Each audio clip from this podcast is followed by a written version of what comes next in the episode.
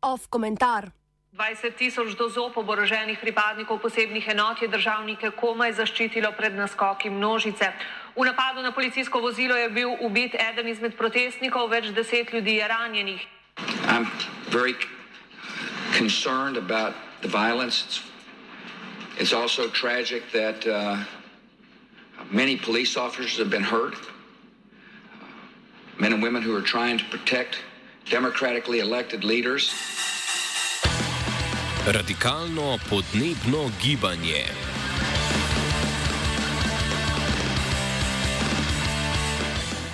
3. marca smo lahko po vsem svetu opazovali množične proteste, predvsem mladih, ki so protestirali proti uničevanju okolja in za podnebno pravičnost. Protestniki so se na pobudo mladih za podnebno pravičnost zbrali tudi v Ljubljani in Mariboru, kjer je shod, tako kot drugod po svetu, potekal pet minut čez prvo, kot simbol za zamujanje pri spopadanju s podnebnimi spremembami. Yeah!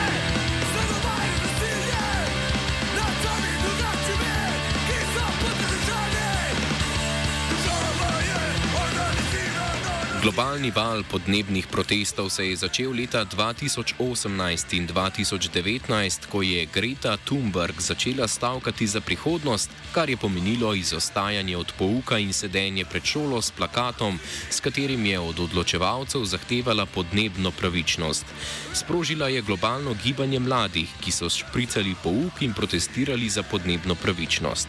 Marca 2019 je na isti dan protestiralo več kot milijon mladih po vsem svetu.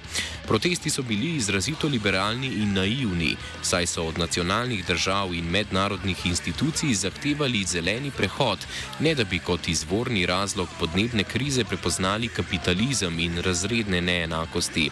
Prav tako so v svoji naivnosti in nerazumevanju držav zahtevali in pričakovali, da bodo naredile potrebne korake za preprečitev okoljskega zloma.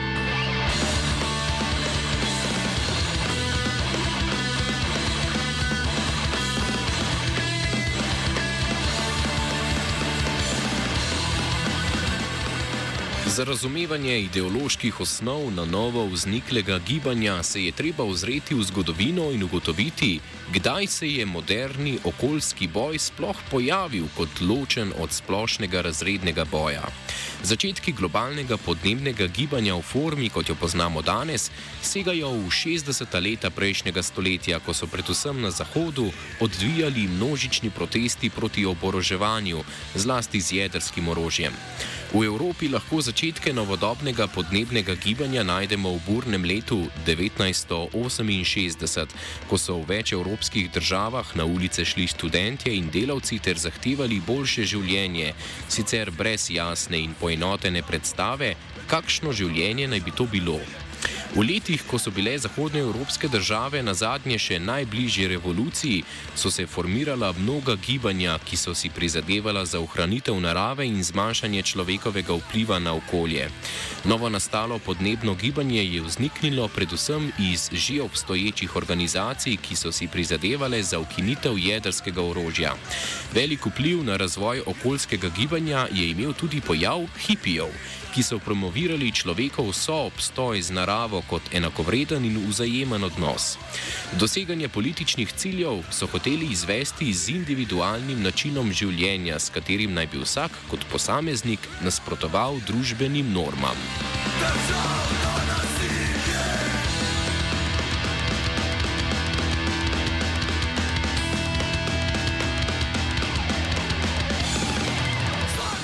V 70-ih so se ukrepile dejavnosti gibanj, ki so si prizadevala za osvoboditev živali, kot je Animal Liberation Front.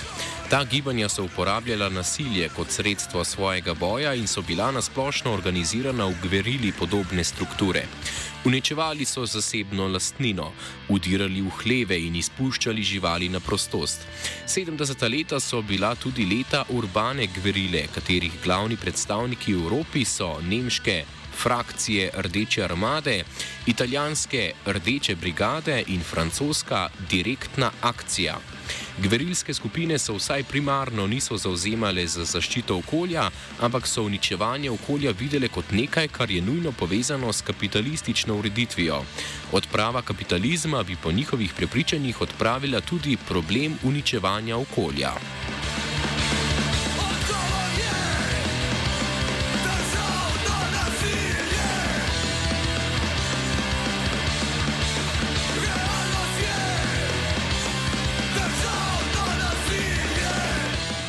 Svoje mesto je okoljsko gibanje imelo tudi v poznih 90-ih in v začetku 21. stoletja, ko je organiziralo množično gibanje za pravično globalizacijo.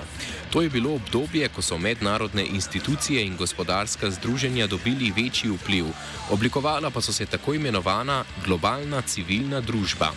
V Seattlu so leta 1999 protestirali ob zasedanju Svetovne trgovinske organizacije. Eden glavnih ciljev protesta je bilo opozoriti na uničevanje okolja. V tem obdobju so okoljski protesti dobili formo in usmeritev, ki se z manjšimi spremembami držijo še danes.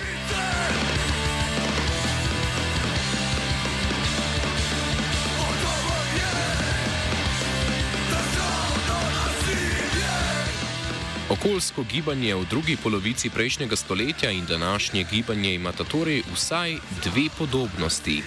Prva je ta, da svoje zahteve naslavljajo na nacionalne in internacionalne institucije, od njih nekaj zahtevajo.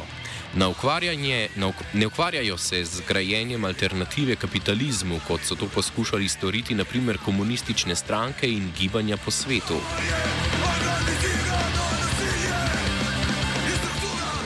Druga podobnost je prelaganje odgovornosti za reševanje podnebne krize na posameznika, ki naj bi svojim obstojem puščal čim manjši oglični otis, nakupoval ekološko pridelano hrano in si prizadeval za odpravo prekonamerne potrošnje.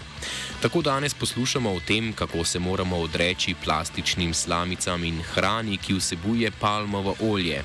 Posameznikovo ravnanje mnoge okoljevarstvene organizacije predstavljajo kot enako pomembno sistem sistemskim spremembam. Jasno je, da gre pri tem za vpliv individualizma in splošnega nerazumevanja kapitalistične ureditve.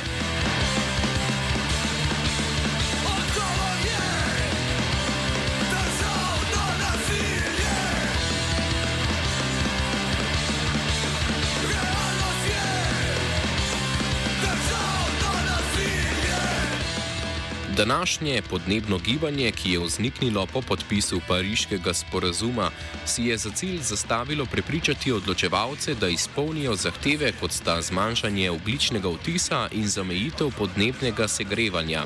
Kot poglavitno sredstvo za doseganje ciljev gibanje uporablja mirno in množično protestiranje. Po letih uporabe mirnih taktik se je vsaj del modernega podnebnega gibanja začel zavedati, da z mirnim protestiranjem in simboličnimi akcijami ne dosežejo prav dosti. Podnebno gibanje torej usporedno, podnebno gibanje torej usporedno s protesti, udeležba na katerih se ne more kosati s tisto na njihovem začetku, uporablja kot sredstvo političnega boja direktno akcijo. V zadnjem letu smo lahko videli več medijsko odmevnih primerov blokad, zasedb in drugih oblik direktne akcije.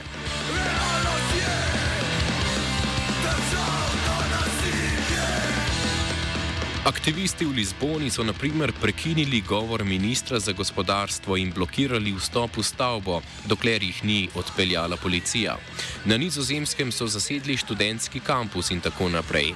Pred kratkim smo bili v Franciji, Nemčiji in Španiji priča več, sicer precej otročjim poskusom uničevanja umetniških del v muzejih, s čimer so aktivisti želeli opozoriti na podnebne spremembe.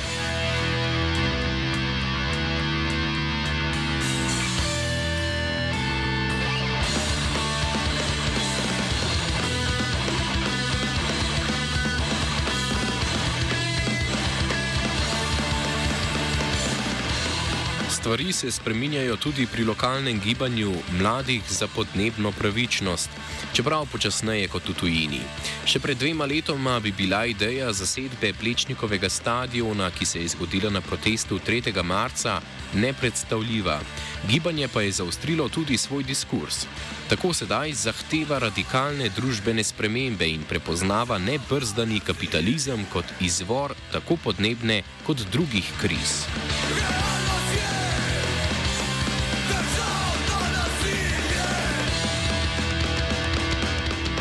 Verjetno najbolj znan nedaven primer, ko je okoljsko gibanje uporabilo direktno akcijo, je bila zasedba nemške vasice Licerat.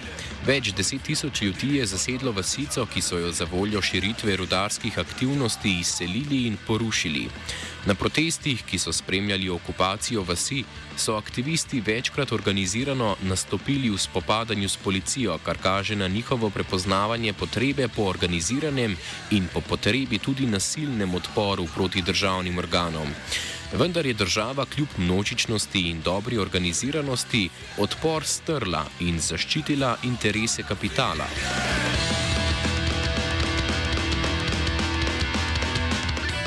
Predvsem v nemških, pa tudi v svetovnih medijih se je protestnikov prijela nalepka ekoteroristov. Ta nalepka seveda ni prava za gibanje, katerega glavno sredstvo doseganja političnih ciljev je dialog z oblastjo, iz katerega sredstva ne povzročajo množičnega uničenja ali smrti.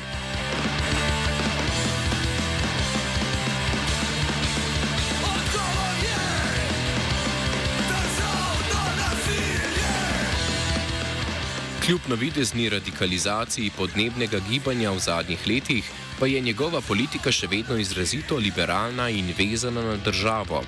Akcije in delovanje ne bi, ne bi imeli smisla, če ne bi obstajale državne in mednarodne institucije, ki se na deklarativni ravni zavezujejo k boju za podnebno krizo. Podnebno gibanje torej v svoji naivnosti še vedno praktično prosjači države naj ukrepajo, na posameznika pa prelaga enakovreden delež odgovornosti kot na državo. Vprašanje je, ali bo gibanje svojo naivnost v odnosu do države prepoznalo in temu primerno spremenilo taktike.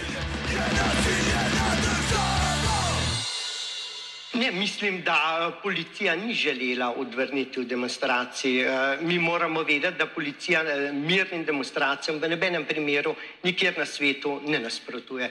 Nasprotujemo pa nasilju in eh, temu se moramo upreti. Komentiral je Pero. Off.